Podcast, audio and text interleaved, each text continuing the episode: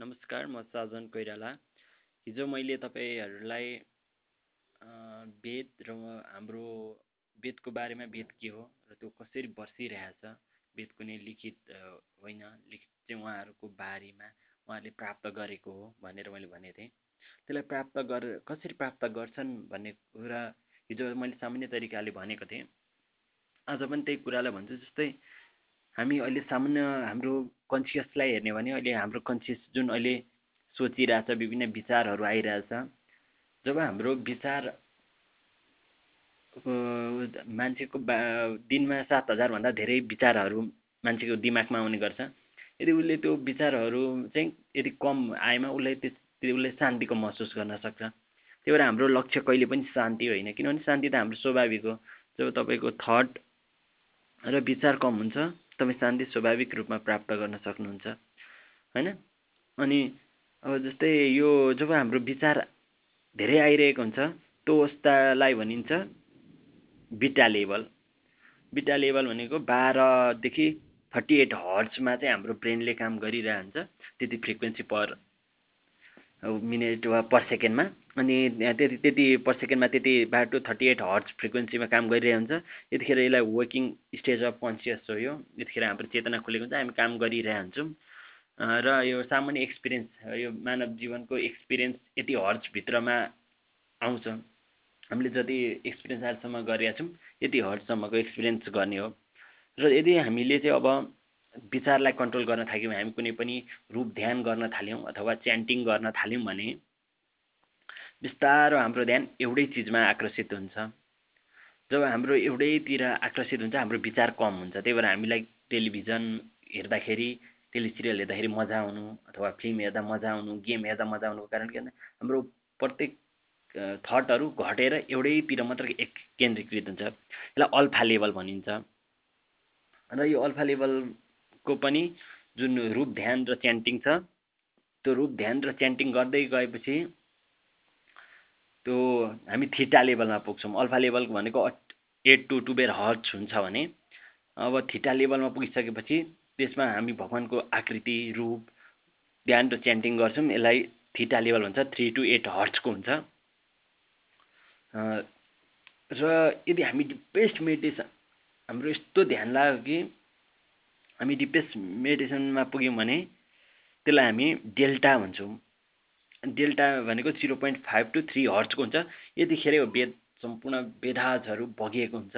त्यो वेदाजलाई हाम्रो कन्सियस हाम्रो न्युरोनले पिकअप गर्छ। त्यो बगेको कुनै वेद कुनै लिखित चिज होइन। जब तपाईँ चाहिँ आफ्नो कन्सियस बढाउँदै डेल्टा लेभलमा पुगेर आउनुहुन्छ।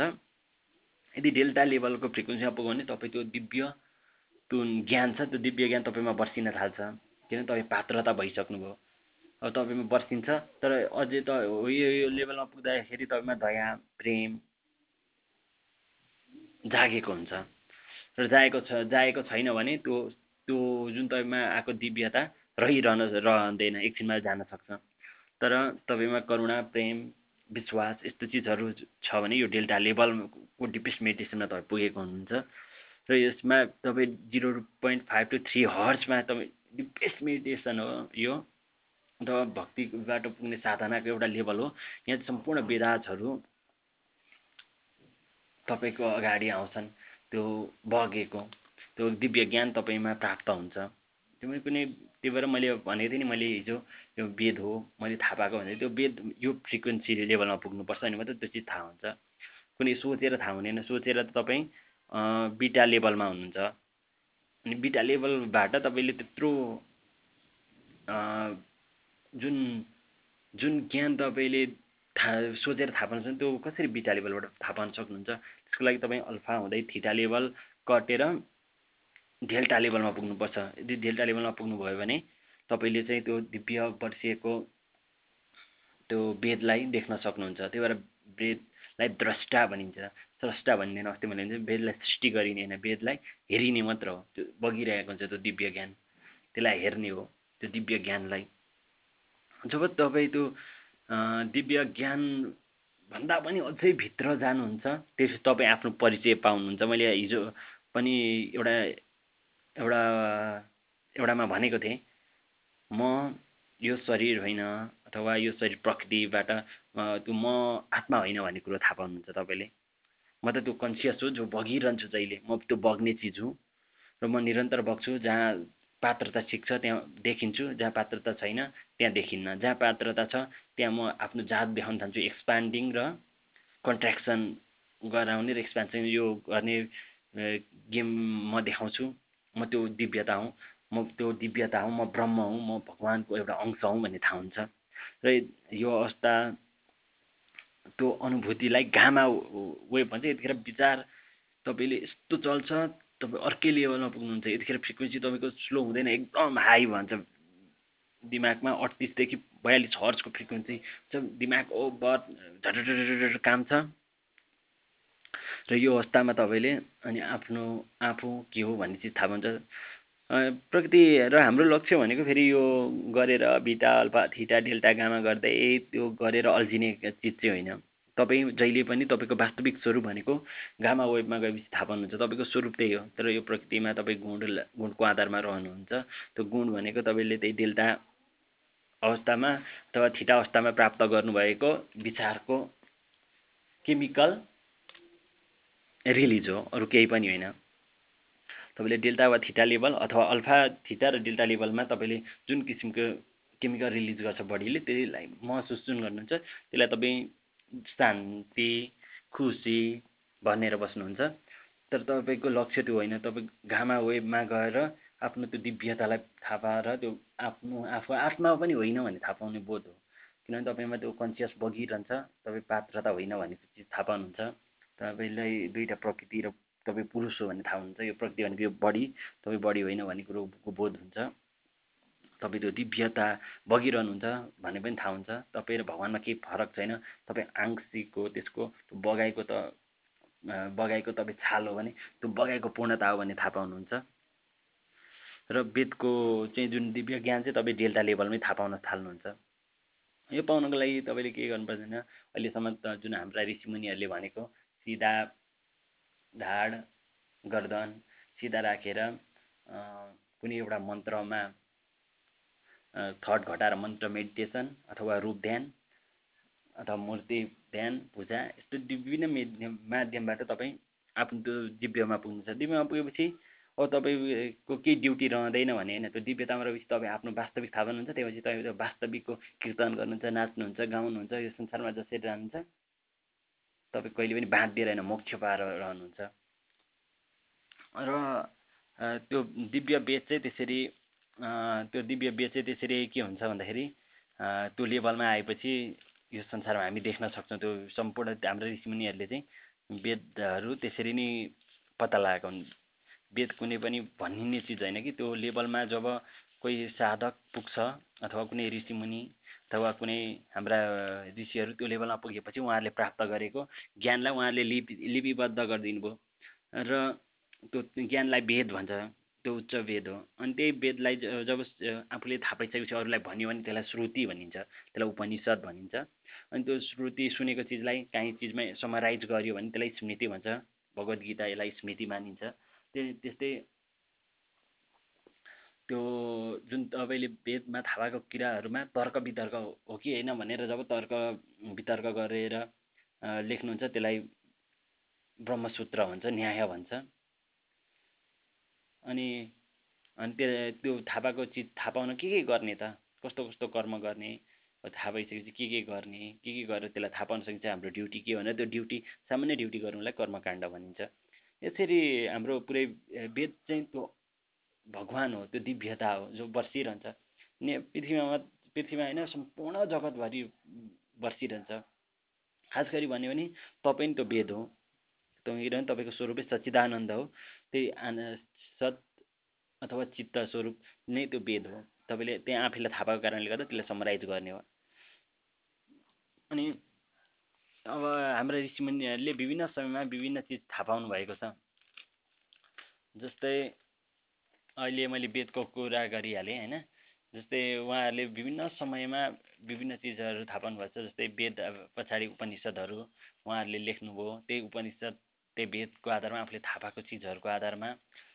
अनि त्यहाँ पछाडि उपनिषद्भित्र पनि उहाँहरूले अनि त्यहाँ पछाडि विभिन्न किसिमका पुराणहरूमा कथा इतिहास इतिहास अनि यो भौतिक ब्रह्माण्डको व्याख्या विज्ञानलाई आधार मानेर उहाँहरूले पुराणहरू पनि लेखिदिनु भयो। हाम्रो सजिलोको लागि हामी त्यो दिव्यतामा प्राप्त गरौँ भनेर उहाँहरूले त्यो यस्तो गरिदिनु भएको। अनि यसको यो गरिदिनु भएको छ। त्यसमा पनि उहाँहरूले स्पष्ट रूपमा के भनिदिनु भएको छ भन्दाखेरि विभिन्न वेदता त्यो अहिले पनि छ वेद सनातन हो होइन शाश्वत हो। तर त्यो वेदलाई थाहा पाएर जुन लेखियो ऋग्वेद सामवेद यजुर्वेद अथर्वेद तिनीहरूको चाहिँ इतिहास हेर्ने हो भने सात हजार वर्ष अगाडि अथवा नौ हजार सत्र सय बिसीदेखि बाह्र सय बिसी बिफोर क्राइस्ट क्राइस्ट जन्मिनुभन्दा अगाडि बिसिईमा लेखिएको मानिन्छ ऋग्वेद अथर्वेद सामवेद र यजुर्वेद। उहाँहरूले थाहा पाएर त्यो ऋषिमुनिहरूले त्यो लेभलमा पुगेर ध्यानको त्यो लेभलमा पुगेर उहाँहरूले थाहा पाएको ज्ञानलाई त्यसरी लेखिदिनु भएको छ त्यतिखेरको भाषामा। र त्यही लेखेको यदि पछि फेरि कोही ऋषिहरू फेरि पुग्नुभयो जब त्यो ऋषिहरू पुग्नुभयो उहाँहरूले पनि फेरि त्यसलाई उपनिषद बनाएर आठ सयदेखि दुई सय बिसीमा उपनिषद आएको भन्ने मानिन्छ। अनि त्यो उपनिषद पछाडि यस्तो एक सय आठवटा उपनिषद छन्। अनि त्यहाँ पछाडि पुराण अठार पुराणको रचना गरिएको छ। अनि यो पुराण भनेको पनि त्यही उपनिषदको त्यो दिव्यतालाई एउटा कथाको माध्यमबाट त्यो दिव्यतालाई देखाउन खोजेको छ त्यो दिव्य ज्ञानलाई कथाको माध्यमबाट बुझाउन खोजेको छ इतिहासको माध्यमबाट। त्यसबाट ज्ञान व्यावहारिक को रूपमा देखाउन खोजेको छ। जब शिव पुराणमा एक लाखवटा श्लोक छन् बाह्रवटा संहिता छ जसलाई चाहिँ रोम हर्ष भन्नेले वेदव्यासका एउटा चेलाले लेखिएको मानिन्छ। यो चाहिँ चार सयदेखि दुई सय बिसी क्राइस्ट जन्मिनुभन्दा चार सयदेखि दुई सय वर्ष अगाडि लेखिएको मानिन्छ। र केही च्याप्टर चाहिँ फर्स्ट सेन्चुरी पहिलो फर्स्ट सेन्चुरी अफ सीमा पनि लेखिएको भन्ने मानिन्छ। मत्स्य पुराण चाहिँ दुई सयदेखि पाँच सय सिईमा लेखिएको सबैभन्दा ढिलो लेखेको चाहिँ मत्स्य पुराण मानिन्छ। यो पुराण भनेको चाहिँ त्यही जुन हामीमा वर्षिने त्यो जुन हामी ध्यानको लेभलबाट पुगेपछि जुन दिव्य ज्ञान हामी थाहा पाउँछौँ त्यसलाई वेद भन्छ त्यो सनातन हो त्यो बगिरहन्छ जहिले पनि। र त्यसलाई बगेको चिजलाई जब हामी श्रुति हाम्रा ऋषिमुनिले वेद बनाउँछन् वेद लेखे अनि त्यसपछि त्यहाँपछि स्मृति श्रुति उपनिषद पुराण अनि त्यसपछि अनि अब भा अनि त्यस पुराणमा पनि अहिले सबैले चाहिँ भागवत पुराणलाई चाहिँ सबै पुराणको उत्कृष्ट पुराण भन्छन् होइन? यो चाहिँ हिन्दू परम्परामा नत्र त अरू ठाउँमा पनि विभिन्न शास्त्रहरूमा उहाँहरूले थाहा पाएको चिजहरू उहाँहरूमा बसेको चिजहरूलाई उहाँले लेखेर राख्नुहुन्छ कहिले बाइबल भन्छन् कहिले ताओ भन्छन् कहिले के भन्छन् सम्पूर्ण ल्याएको छ। अब म चाहिँ खास गरी हाम्रो वैदिक यो पूर्वीय दर्शनमा चाहिँ के छ भन्दाखेरि भागवत भन्छन्। भागवतमा चाहिँ त्यही दिव्यतालाई चाहिँ स्वर्ग विसर्ग स्थान पोषण उक्ति मनवन्तर कथा निरोध मुक्ति र आश्रय यो दसवटा लक्षणहरूलाई जोडेर एउटा कथाको रूपमा लेखिएको हुन्छ। त्यहाँ स्वर्ग हुन्छ यो भौतिक ब्रह्माण्डको कुरा त्यो दिव्यताको कुरा यहाँ स्थान कुरा हामीलाई कसले गर्छ? मनवन्तरका कथा ईशानु कथा भक्तहरू र भक्तको कथा मुक्ति के हो आश्रय कसलाई दिने? यो सम्पूर्ण चिजहरू मिलाएर भागवतको यो दसवटा मिलाएर भागवत लेखिएको हुन्छ। र जब हामी त्यो लेभलमा पुगेको हुन्छौँ त्यतिखेर विभिन्न गुणहरू हामीमा आएको हुन्छ। त्यो गुणहरूको व्याख्या भागवतमले गरेको छ। जसलाई धर्मका दस लक्षण पनि हुन्छ। चाहे जुनसुकै धर्म होस् त्यसका दसवटा लक्षण हुनुपर्छ। धित त्यसलाई पहिलो हो धृति। धृति भनेको सुख दुःखमा समान भाव रहनलाई धृति भनिन्छ। क्षमा भनेको कसैले गल्ती गऱ्यो भने क्षमा दिनलाई क्षमा भनिन्छ। दम भनेको मनलाई आफ्नो बसमा राख्नु मन जताततै विभिन्न थट र विचारहरूमा भागिरहन्छ त्यसलाई भाग्नु नदिनुलाई दम भन्छ। अस्त्रेय भनेको अर्को भएको चिजलाई जबरजस्ती चोरी नगर्नुलाई अस्त्रेय भन्छ। शौच भनेको शारीरिक र मानसिक सरसफाइ रहनु इन्द्रियलाई कन्ट्रोल गर्नु इन्द्रिय निवृत्ति भन्छ। धी भनेको धी भनेको मन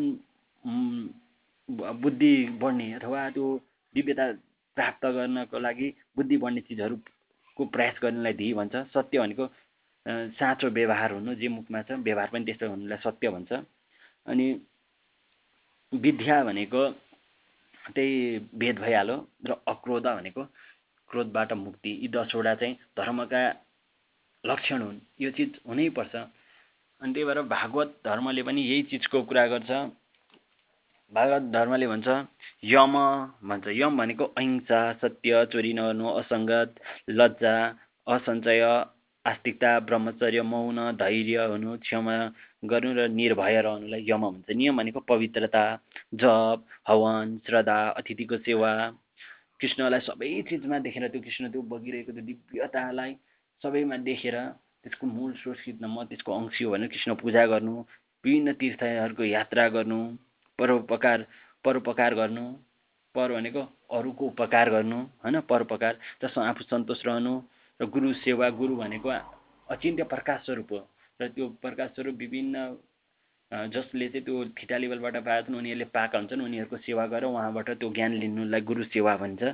दम भनेको इन्द्रियन संयम तितिक्षा भनेको परिआएको दुःखलाई खप्नु धैर्य भनेको जिब्रो र आफ्नो जनइन्द्रियलाई बसमा राख्नु तप भनेको भोग र कामनाको त्याग गर्नु सत्य भनेको सत्य स्वरूप परमात्मालाई देख्नु अथवा सबलाई समान दृष्टिले देख्न सक्नु। यस्तो गुणहरू आफै आउँछ क्या जब तपाईँ त्यो ध्यान गर्दै त्यो लेभलमा पुग्नुहुन्छ। रित भनेको मिठो बोली तपाईँको हुन्छ। अनि शौच भनेको कर्ममा आसक्ति नराख्नु हो शौच भनेको नुहाउनु मात्र होइन। त्यहाँ दक्षिणा भनेको धन सम्पत्ति दिनु होइन कि ज्ञानको उपदेश दिनु हो दक्षिणा भनेको बल भनेको प्राणायाम हो। मनको दमन नै बल हो। लज्जा भनेको पाप कर्म गर्न रोक्नु हो। पण्डित भनेको बन्धन वा मोक्ष तत्त्व बुझेकोलाई पण्डित भन्छ शास्त्र पढेको होइन। त्यो तपाईँ बन्धन र मोक्ष के हो त्यो बुझ्न सक्नुहुन्छ। त्यो गुणहरू तपाईँमा आउन सक्छ स्वर्ग भनेको चित्तमा सद्गुणको उदय हुनुलाई स्वर्ग भन्छ। जब तपाईँको त्यो मेडिटेसन ध्यान गर्दै तपाईँ त्यो लेभलमा पुग्नुहुन्छ अथवा साधना गर्दै त्यो लेभलमा पुग्नुहुन्छ तपाईँमा चित्तमा सत्व सत्व गुणहरूको उदय हुन्छन् र त्यो सत्व गुणहरूको समूहलाई दैविक गुण अथवा दैविक दैविक शक्ति भन्छ अथवा देवताको नाम दिन्छ।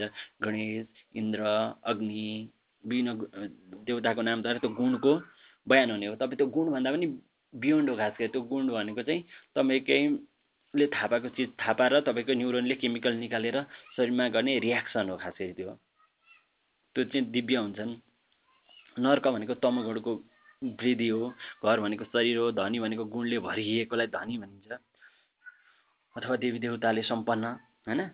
दैविक गुणले भरिएकोलाई धनी भन्छ दरिद्र भनेको चित्तमा असन्तोषलाई भनिन्छ भनेर भागवतको एघार स्कन्दको उन्नाइसौँ अध्यायको तेत्तिसदेखि त्रिचालिस श्लोकमा यो भनिएको छ।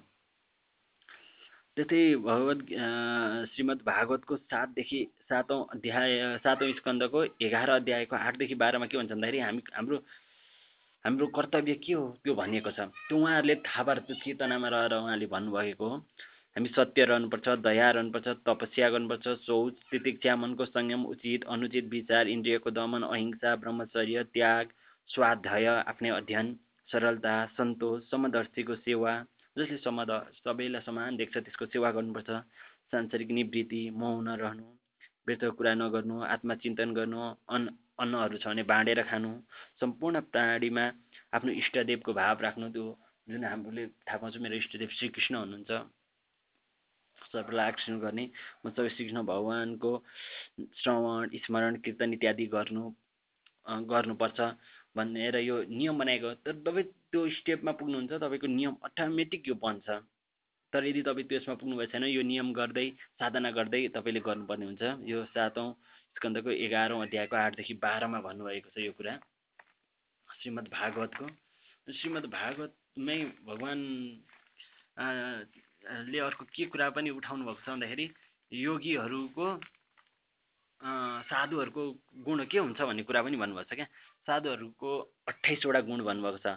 श्रीमद् भागवतको एघारौँ स्कन्दको एघारौँ अध्यायकोदेखि उन्तिसदेखि तिसौँ श्लोकमा भन्नुभएको छ साधुहरूको अठाइसवटा गुणहरू के हुन्छ भन्दाखेरि सम्पूर्ण देहदारमाथि कृपा गर्ने हुन्छन् उनीहरू। सम्पूर्ण देहदारीहरूमाथि कृपा गर्छन्।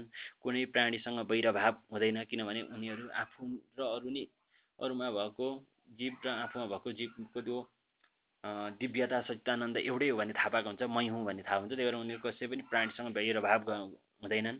कडा दुःख परे पनि प्रसन्न प्रसन्नतापूर्वक खप्छन् सत्य हुन्छन्। उनीहरूको व्यवहार बोली जे हुन्छ व्यवहार त्यही हुन्छ। मनमा पाप बासना हुँदैन। सबलाई समदर्शी हुन्छन् समदर्शी समान देख्छन्। बुद्धि कामनाले कलुषित गर्न नसक्ने हुन्छ। कामनाहरू आउँछ आउँछ जान्छ तर त्यसले उनीहरूको बुद्धिमा त्यति प्रभाव पार्दैन। उनीहरू संयमी हुन्छन्। मृदुल स्वभावका हुन्छन् बोली राम्रो हुन्छ सदाचार हुन्छन् उनीहरूको आचार राम्रो हुन्छ परिमिति हुन्छ कृष्णको भरोसा अथवा भगवान् भरोसामा हुन्छन् उनीहरू आत्मतत्त्वको चिन्तनमा शील हुन्छन् प्रमाद कहिले गर्दै गर्दैन उनीहरू कुनै चिजमा पनि एक्साइटेड हुने हुँदैन उनीहरू हरेक चिजलाई सामान्य तरिकाले बुझेर सबलाई उस्तै लिने गर्छन् गम्भीर हुन्छन् धैर्यशील हुन्छन् समयको पर्खिन्छन्। शरीरका छवटा धर्म भोग प्यास शोक मोह जरा मृत्युलाई बुझेका हुन्छन्। र योबाट मुक्त हुन्छन्। जसले त्यो आत्मा तत्व आत्मा भनिन्छ त्यो आत्मा होइन त्यो कन्सियस तत्त्वलाई जसले बुझेको हुन्छ त्यसलाई यो छवटाबाटलाई उसले जित्न सक्छ। र स्वयं आफूलाई मनको इच्छा नभए पनि अरूको मान गर्छ। आफूले आफूलाई मान पाउनको लागि होइन कि अरूलाई चाहिँ सम्मान गरिरहन्छ। अर्कालाई ज्ञानको उपदेश पनि दिन्छ। आफूले थाहा पाएको चिजहरूलाई बाँड्छ करुणाशील हुन्छ सबैसँग मित्र व्यवहार गर्छ कृष्ण तत्त्वको यथार्थ ज्ञान हुन्छ उसलाई कृष्ण के हो कृष्णको स्वरूप के हो कृष्ण के हो कृष्ण तत्त्व के हो र सम्यक ज्ञान हुन्छ। यो चाहिँ एउटा साधुका अठाइसवटा गुणहरू श्रीमद् भागवतमाको एघारौँ स्कन्दको एघारौँ अध्यायको उन्तिसदेखि तिसौँ श्लोकमा भयो ती ऋषिमुनिहरूले हामीलाई दिएको कुरा हो। हामी चाहिँ यो चिजहरू ध्यान समाधि गरेर यो दैविक गुणहरूलाई प्राप्त गरौँ किनभने दैविक गुण त्यो हाम्रो दैविक गुणकै माध्यमबाट हामी चाहिँ त्यो आफ्नो स्वरूपमा र भगवान्को त्यो वास्तविक स्वरूप थाहा पाउन सक्छौँ। किनभने सुरुमा हामी साधना गर्छौँ त्यहाँ पछाडि हामीमा दैविक गुणहरू आउँछ अथवा त्यो दैविक शक्ति र गुणहरूलाई नि दे देवी देवताको नामबाट हामी दिने गर्छौँ। हामी त देवी देवता देखिन थाल्छन्। जस्तै गणेश भन्छौँ गणेश भनेको उहाँको ठुलो जसको बुद्धि खतरा छ जसले सबको कुरा सुन्छ लामो प्राणायाम गर्छ। अनि पोजिटिभ चिजलाई लिन्छ नेगेटिभ चिजलाई काट्छ लिँदैन। सबैको कुरा सुन्छ र डाइजेस्ट गर्छ होइन? अनि सबलाई भयमुक्त गर्ने त्यो गुण छ भने तपाईँमा त्यसलाई गणेश भनिन्छ। त्यो बाहिर पनि हुन्छ त्यसलाई गणेश भनिन्छ। सरस्वती भनेको ऊ दुःखमै जस्तो ठाउँमा रहे पनि ऊ प्रसन्न रहन्छ कमलको फुल। ऊ आफ्नो कलामा निपुण हुन्छ। ऊ जहिले शुद्ध हुन्छ। यस्तो गुण हुन्छ। लक्ष्मी यो सम्पूर्ण देवदेवता आफूभित्र हुन्छ। त्यसलाई दैविक गुण हुन्छन् बत्तिसवटा दैविक गुण र बत्तिस कोटी भनिन्छ।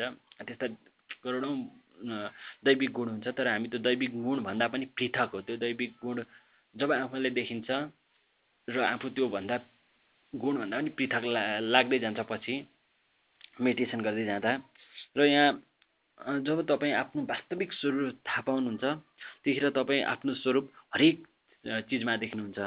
त्यही भएर त्यस्तो चिजलाई चाहिँ मा त्यही चिज आफूमा जे चिज बसिएको छ अहिले ममा म जे यो शरीरमा जसरी बसिएको छु सबैतिर म बसिएको छु। त्यही भएर म सूर्यलाई मेरो त्यो पूर्णताको प्रतीक स्वरूप कृष्ण मानेर पूजा गर्छु। अग्नि ब्राह्मण गाई वैष्णव आकाश वायु जल पृथ्वी आत्मा समस्त प्राणी यी सबै कृष्णका पूजाका स्थान हुन्। वेदका मन्त्रद्वारा सूर्यमा सूर्यमा म पूजा गर्छु अथवा सूर्यको अगाडि वैदिक मन्त्र लिएर म ध्यान गर्छु। घृतको आदिको घन हवन गरेर अग्निमा हाल्छु। आतिथ्य सत्कारद्वारा ब्राह्मणमा पूजा गर्छु। हरिया घाँसद्वारा पानीद्वारा गाईको पूजा गर्छु। मित्र समानको सत्कारले वैष्णवमा ध्यानद्वारा आकाशमा र प्राणायामद्वारा वायुमा जल र पुष्पादि द्वारा जलमा समदृष्टिद्वारा समस्त प्राणीमा यसरी म कृष्णको पूजा गर्न सकिन्छ। कृष्णको पूजा कसरी गर्ने भन्छ मान्छेले? हामीले देखेको छैन यसरी पूजा गर्न सकिन्छ। वेदका मन्त्रहरू सूर्यमा बस्ने सूर्यको प्रकाशमा वैदिक मन्त्र उच्चारण गर्ने अनि बिहान अग्निहरूमा घिउ आदिको हवन गर्ने कोही ब्राह्मण अथवा जसले चाहिँ ब्रह्म बुझेको छ त्यस्तो व्यक्तिहरूको आतिथ्य गर्ने सम्पूर्ण जीवहरू भौतिक जीवहरू छन् त्यसमध्ये पनि गाई जसले हामीलाई पालेको छ। हामीलाई बचाएको छ। त्यस्ता जीवहरूलाई हरिया हरिया घाँस पानीद्वारा पूजा गर्ने वैष्णव जो छ जो चाहिँ भक्त छ सबैलाई समान देख्छ। त्यसलाई आफूले मित्र सम्मान गरेर उसको सत्कार गर्ने आकाशको पूजा ध्यानद्वारा गर्ने र प्राणायाम गरेर वायुको पूजा गर्ने जल पुष्पादि लिएर जललाई छोएर जलको गर्ने र सम्पूर्ण प्राणीहरूमा त्यही दिव्यता आफै बसेको छु मै बसेको हुँ र मेरो पूर्णता कृष्ण हो भन् हो र त्यही चिज त्यसमा छ भनेर त्यसलाई समदृष्टिले हेरेर पूजा गरिन्छ। यो कुरा श्रीमद् भागवतको एघारौँ स्कन्दको एघारौँ अध्यायको बाइसदेखि पैँतालिसमा भनिएको छ।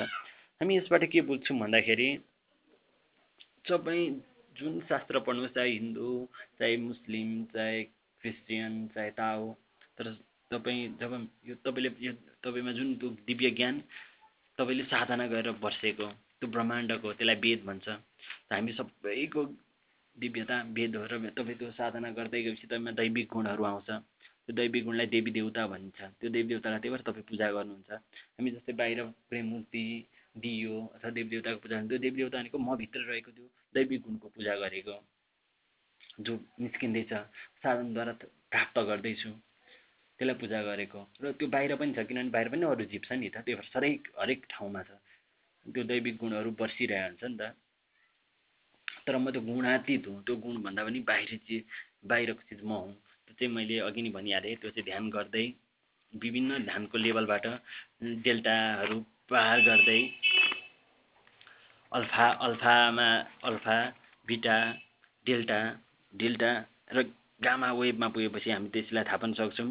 र बिटा पनि हामी युज गर्छौँ किनभने हरेक व्यावहारिक चिज गर्न बिटाको आवश्यकता पर्छ। त्यही यो अल्फा बिटा डेल्टा र गामा यी सम्पूर्ण ब्रेनका फ्रिक्वेन्सीहरू त्यो फ्रिक्वेन्सी चलाउने भनेको चाहिँ त्यही दिव्यताले चलाउने हो।